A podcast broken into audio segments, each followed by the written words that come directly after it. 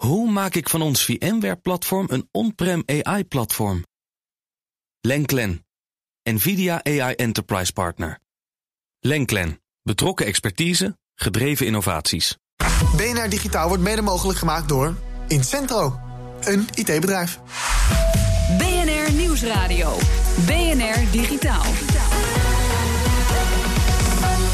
Herbert Blankenstein. Online technieken om mensen te beïnvloeden, het zogeheten nudging, bedreigen de democratie en kunnen leiden tot een totalitaire staat, schrijven wetenschappers in het gezaghebbende Scientific American.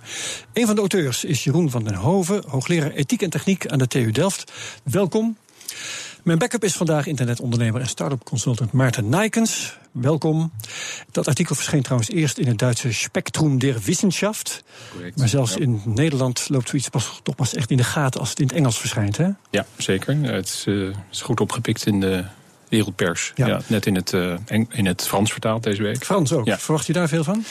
Nou ja, het is wel een goed moment eigenlijk om eh, dit, deze boodschap is. In Frankrijk? Dat, ja, zeker. Ja. Nudging, duwtjes geven. Ik heb zelfs, het was in Vrij Nederland, stond een stuk daar, werd het micro-nudging genoemd. Ja.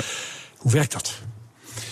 Ja, het is het inrichten van een keuzemenu op een zodanige manier dat, eh, dat een door jou gewenste eh, keuzeoptie eh, wat, wat, wat waarschijnlijker wordt. Hè? Dus je, je, je legt dingen zo voor aan mensen dat eh, datgene wat jij wilt dat ze gaan doen, dat, eh, dat die kans groter wordt. Het is, niet, eh, het is Ja. belangrijk om erbij te zeggen dat de, de andere opties nog steeds mogelijk blijven. Dat is altijd door de, de mensen die dit idee geïntroduceerd hebben, altijd benadrukt. Hè? Dus dat is een soort liberaal of een zacht paternalistische benadering. Alles blijft mogelijk. Maar de kans dat je dat ene gewenste gaat doen is groter. Dus in de, in de kantine eh, leg je de, het frituur achterin en de gezonde dingetjes vooraan. Oh, wacht even. Nou begrijp ik meteen wat het over gaat. Eh, in supermarkten, daar liggen de echte merken liggen op ooghoogte en de huismerken liggen bij Ja, de of de dingen die je sowieso nodig hebt, die liggen onderop. En de dingen die impuls aankopen zijn, die liggen op ooghoogte. Want dan, Ja, eh, dus, dus we kennen het eigenlijk al lang. Het is helemaal niks nieuws we- onder de zon. in- inderdaad. Alleen het wordt, en dat is eigenlijk waar we aandacht voor vragen, het wordt steeds subtieler en steeds krachtiger.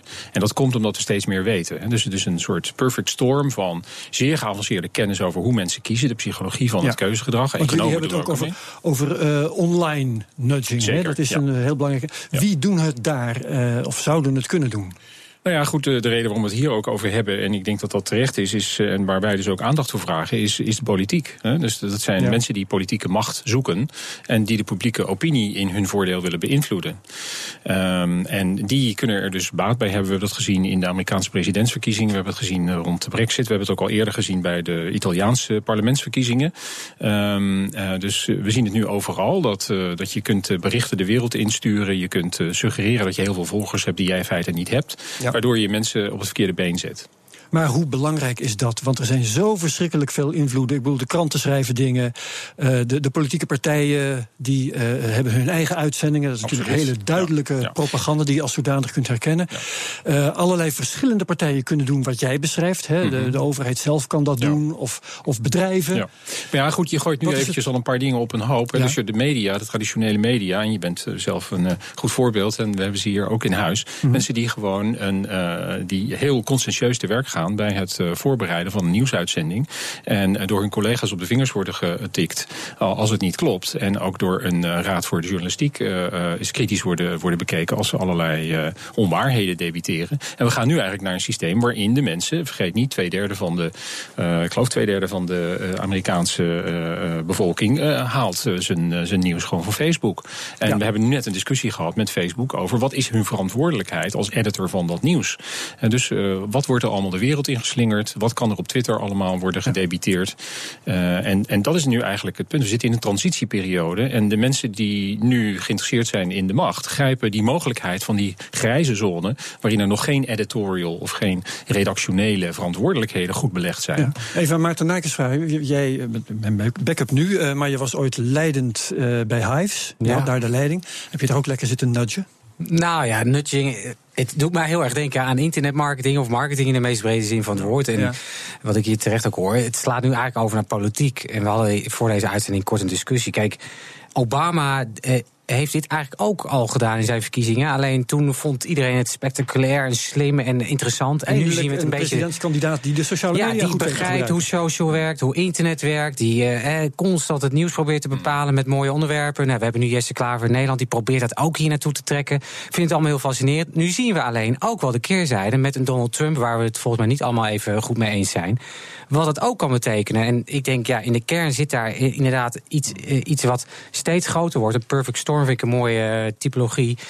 Ja. wat doe je daartegen? Ja, dat is heel ingewikkeld. Want het wordt alleen maar. Het, dus die combinatie van, wordt alleen maar meer. Dus die combinatie van AI, artificiële intelligentie, big data, real-time big data. en zeer geavanceerde kennis over hoe mensen kiezen, de psychologie. En die combinatie van die drie, en dat, dat, dat zou je een perfect storm kunnen noemen. Als je die in handen hebt, dan kun je in feite. En dat is anders dan bij Obama, althans, dat, dat zou je kunnen beargumenteren. Dat is tenminste nog herkenbaar. En, en dan bypass je niet de menselijke rationaliteit. En iedereen mag natuurlijk proberen om zijn eigen positie. nudging als je het niet merkt, bedoel nou? Precies. Ja. Nudging is per definitie eigenlijk. Dus dat je niet uh, uh, zeg maar een, een redeneerstap erin hebt.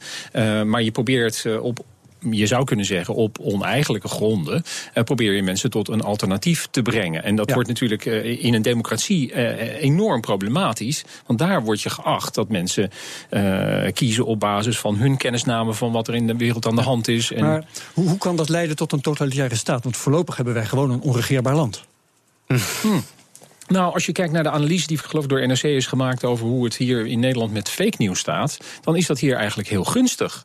want uh, in vergeleken bij, uh, vergeleken bij uh, Amerika. Hoezo gunstig? Nou, gunstig omdat wij niet zo massaal achter fake news aanlopen. Dus okay. bijvoorbeeld. Wij zijn minder vatbaar. Wij zijn minder vatbaar. En hoe komt dat? Ah, we zijn kleiner. Dus de meest geavanceerde technieken zijn nog niet hier uitgeprobeerd, omdat er nog geen business case is in, de Nederland, in Nederland, zeg maar.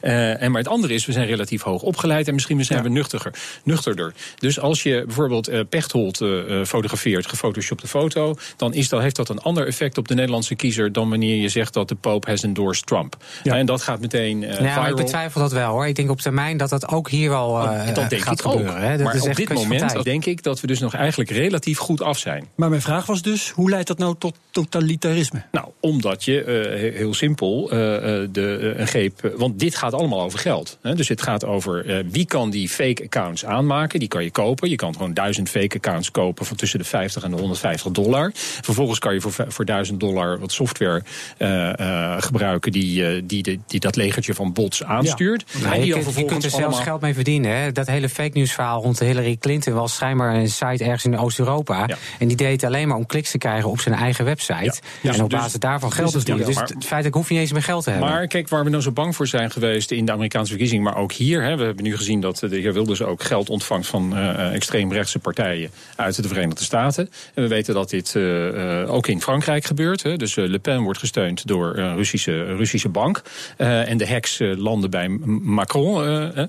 dus, dus hoe leidt dat ertoe? Nou, eenvoudig omdat er mensen zijn die hele grote belangen hebben. En die belangen willen veiligstellen via een politieke, een politieke partij. Die ze even... in het zadel helpen door deze technologie. En dan wil ik nog even heel kort van je horen. Wat kun je er tegen doen? Half minuutje. Nou, uh, ik denk dat we heel goed op weg zijn door, door daar aandacht voor te vragen. Ik denk dus ja. dat een, een, van de dingen waardoor Nederland, dus we noemden al even relatief hoog opgeleid, relatief nuchter, een kleine markt, nog niet de meest sophisticated technology around. Uh, maar ik denk toch ook uh, het awareness van dit soort problemen. Ja, dus het feit dat we daar überhaupt aandacht voor hebben. Dankjewel, Jeroen van der Hoven van de TU Delft. BNR Nieuwsradio. BNR Digitaal. Als je op YouTube rechten schendt, dan wordt je filmpje offline gehaald. Dat is logisch. Maar wat doe je als je filmpje onterecht offline wordt gehaald? Je hoort redacteur Ivan Verrips. Pesten in real life is even oud. En pesten op internet iets minder oud, maar daar kan het ook. Bijvoorbeeld op YouTube. Recently we also received an email from VM Production. If you don't pay them $1,000, they will uh, claim our video again. And if they claim in one more video, our channel will be terminated. So last night they did claim another video, which uh, our channel right now terminated. De jongens achter YouTube-account SR Bros Entertainment hebben last van online pesten. Iemand claimt namelijk dat de video's van deze jongens inbreuk maken op rechten van anderen, terwijl dat niet het geval is. Op die manier zorgen de pesters ervoor dat YouTube de filmpjes offline haalt. Tot na een tijdje je hele account wordt opgeheven. So you can actually blackmail people now. Because the system is so fucked up. Je hoort Ethan van een ander YouTube-account, H3H3 Productions. Hij legt uit hoe je moet omgaan met dit soort DMCA-takedowns. Allereerst, waarom reageert YouTube zo fel op die takedown-verzoeken? As a platform, they almost need to be neutral. Otherwise, they're going to be liable for any lawsuits for copyright infringement. So, giving the corporations power to DMCA absolves YouTube of any legal liability. And frankly, without it, YouTube wouldn't be able to exist. Conclusie: YouTube moet dus wel. En stel dat je filmpje verwijderd wordt, dan heb je twee opties. You can either accept it and take the strike, or you can file a counter notification. Now, one of the problems here is that people always get way too spooked to file the counter notification because the language is so strongly worded. Saying such things as, I swear under perjury that everything I'm saying is true, and I acknowledge that if I abuse this form, it will result in the termination of my YouTube channel. De boodschap van Ethan is: laat je niet bang maken door serieuze en juridische taal, want YouTube moet wel. Hierna moet je een verklaring intikken. Waarom denk je dat die takedown niet terecht is? This is exactly what I would type, and I would recommend my friends to type when disputing a strike. This video is fair use under U.S. copyright law because it is transformative in nature, uses no more of the original than necessary, and has no negative effect on the market for the original work. Furthermore, this video is protected speech as outlined by the First Amendment of the United States Constitution. Dat stukje tekst, dat is wat YouTube wil zien. So at this point, the only two outcomes is that the video will be back. In 10 to 14 days, it's going to be back up. Your strike rule will be removed. And the only other way that a person can pursue you further to remove the video at this point is to sue you. Een uitgebreide handleiding over hoe je moet omgaan met door YouTube offline gehaalde filmpjes, die vind je op bnr.nl/slash digitaal. De top van grote techbedrijven bestaat vaak vooral uit mannen, maar dat zou op termijn wel eens kunnen veranderen. En het onderwijs speelt daarin een grote rol. Hoor je zo. BNR Nieuwsradio. BNR Digitaal. Topposities in de techwereld worden vaak door mannen bekleed. Maar hoe kan dat? Waarom zijn er geen vrouwen? Redacteur Ivan Verrips die zocht het uit. Elon Musk, Jeff Bezos, Mark Zuckerberg, Tim Cook, Satya Nadella, enzovoorts, enzovoorts. De crème de la crème van de techwereld. En het zijn allemaal mannen. Maar dat was ooit anders, vertelt NPR. Want wie kent de namen Margaret Hamilton, Frances Allen en Jane Samet? I've been meeting these women, women whose names we should know too. Badass computing pioneers. Women who are now in their 70s and 80s, but who programmed some of the first digital computers back in the days when software was written in machine language, in binary. Maar hoe komt het nou toch dat tech anno nu een mannenwereld lijkt te zijn? Daarvoor moeten we een grafiekje bekijken. It's a graph of the percentage of women studying computer science. And it compares those numbers to the numbers of women studying medicine and law and physical sciences. And, you know, the number of women in all these fields are all going up. But then something big happens, something that changes the course of computer science. And what's amazing about that is you can actually put your finger on the moment where this changed. Sinds 1984 studeren opeens veel minder vrouwen computerwetenschappen. En dat had alles te maken met de komst van de computer thuis. Early home computers popped up in the places that were already the world of boys. Jane Margalis is an education researcher who's now at UCLA, and she has a theory about this. Take this one student Jane interviewed, Nick Lilly. She was the one who was really into computers in high school. But even though she was the one who was really into computers, the computer was placed in her brother's room. De computer bleek dus een jongensapparaat, hebben wij toen blijkbaar met z'n allen besloten. Once you have something like this happening, it reinforces itself. Computers are for boys. They are boy toys that boys use to do boy things. And this became a narrative, this story we told ourselves. Computers en dus ook de bijbehorende opleidingen waren jongensdingen. Actie was vereist. Hoe krijgen we meisjes terug bij opleidingen zoals computerwetenschappen?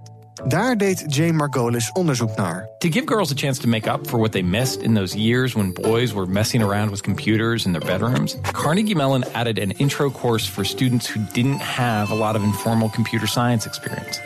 They started paying a lot more attention to teaching. En het werkte. By 2000, 42% of the computer science students at Carnegie Mellon were women. And the dropout rate for men and women was basically the same. Vrouwen studeren nu dus weer computerwetenschappen, in ieder geval in de VS.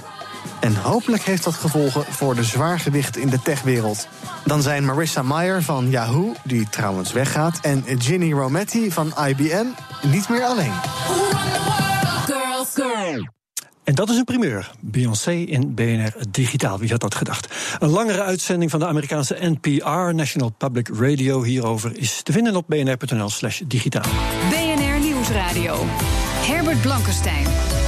De cookie-wetgeving moet op de schop om de online privacy van mensen op het internet beter te beschermen. Dat wil de Europese Commissie. Momenteel moet op elke individuele website aan elke individuele bezoeker vragen of hij of zij met cookies akkoord gaat door middel van die irritante pop-up schermen.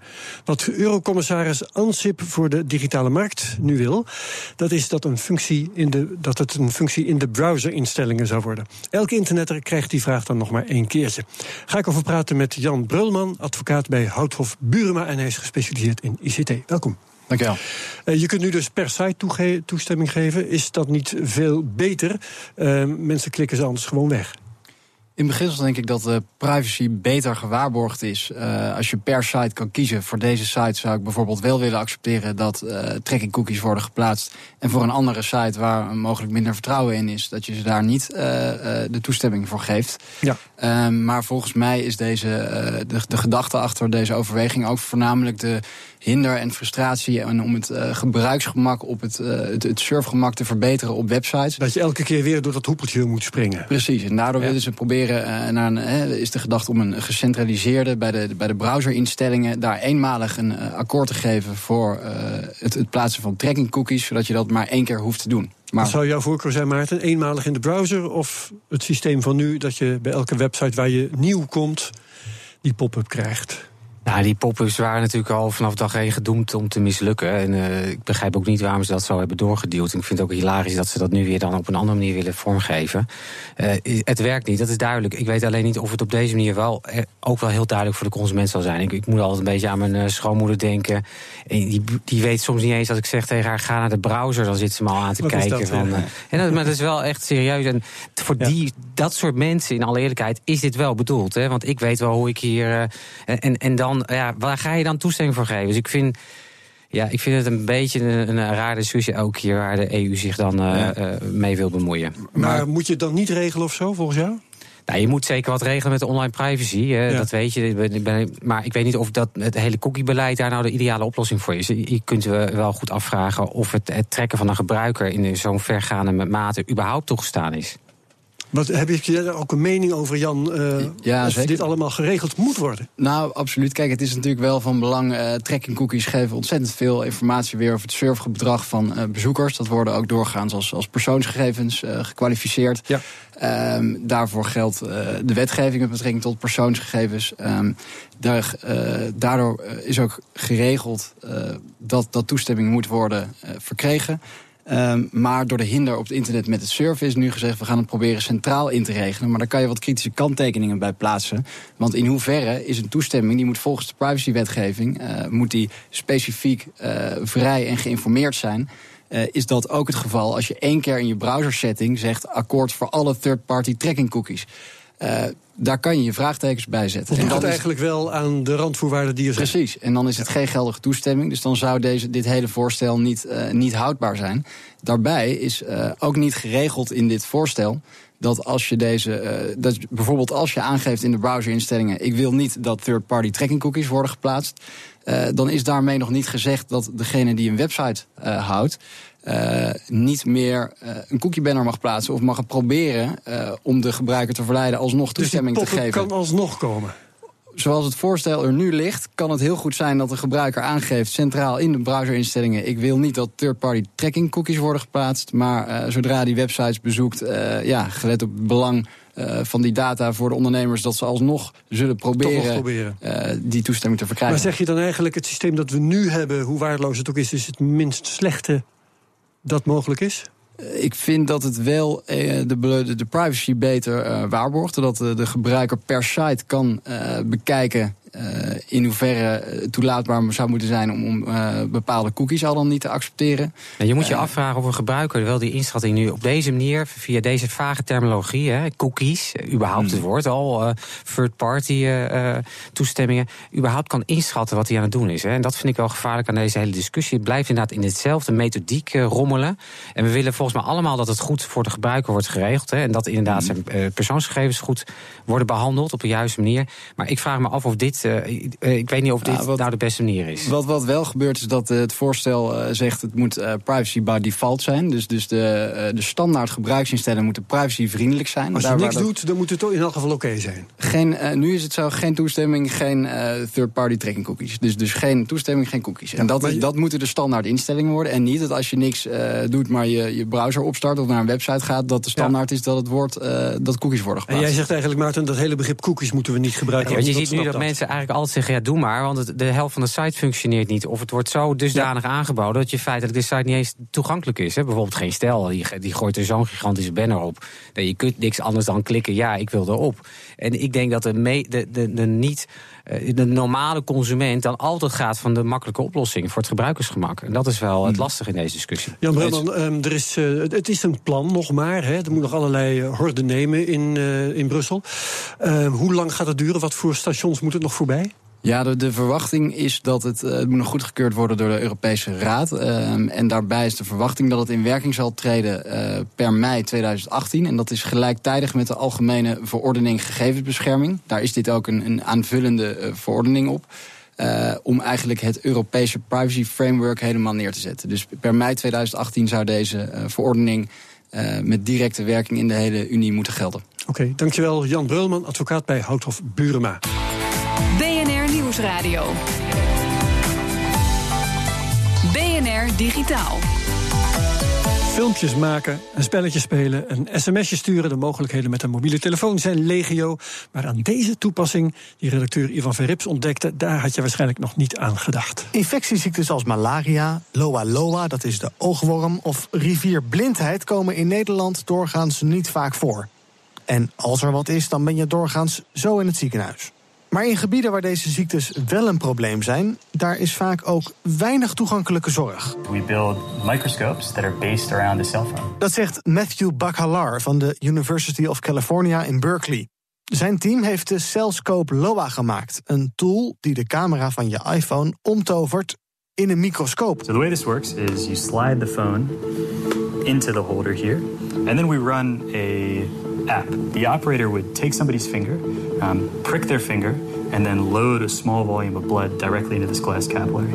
Um, then all you do is you insert this into the side of the device and you can begin a test. Op het scherm zie je een vergrote afbeelding van het bloed. Tijdens de test maakt de app korte filmpjes van het bloed en elk clipje wordt door de software bekeken op ongebruikelijke bewegingen veroorzaakt door parasieten. Alles binnen 30 seconden terwijl de klassieke test dagen of zelfs weken kan duren. En een dokter is ook niet meer per se noodzakelijk. We've taken you know, a job that was typically done by a trained pathologist and we do that instead with software. En dat dit nu mogelijk is, dat komt ook een beetje door ons. Omdat wij als consumenten steeds betere camera's en betere software in onze telefoons willen. The development both of the hardware and of the entire infrastructure that allows us to run great software on the devices has has enabled our, our prototypes to go from, from, from really rudimentary microscopes all the way to integrated medical diagnostics. Dat zegt onderzoeker Mike de Ambrosio. Hij werkt ook aan dit project. In Cameroen is de Cellscope LOA al getest. Um, so I was very nervous in the beginning. Um, and then you know, you start to see the first few patients running through, getting their results, and really smiling and being happy about it. I think the fact that they were included in the diagnosis really makes a difference. So rather than taking some blood and sending it off to a lab, you really feel like you're there, you know, doing something that's worthwhile, spending your time uh, making a difference. Mooi is dat, ziektes opsporen met een apparaat dat iedereen toch al heeft. Wil je het hele filmpje van Seeker Stories bekijken? Kijk dan op bnr.nl slash digitaal.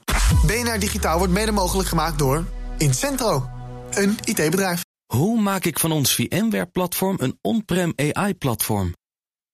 Lenklen, NVIDIA AI Enterprise Partner. Lenklen, betrokken expertise, gedreven innovaties.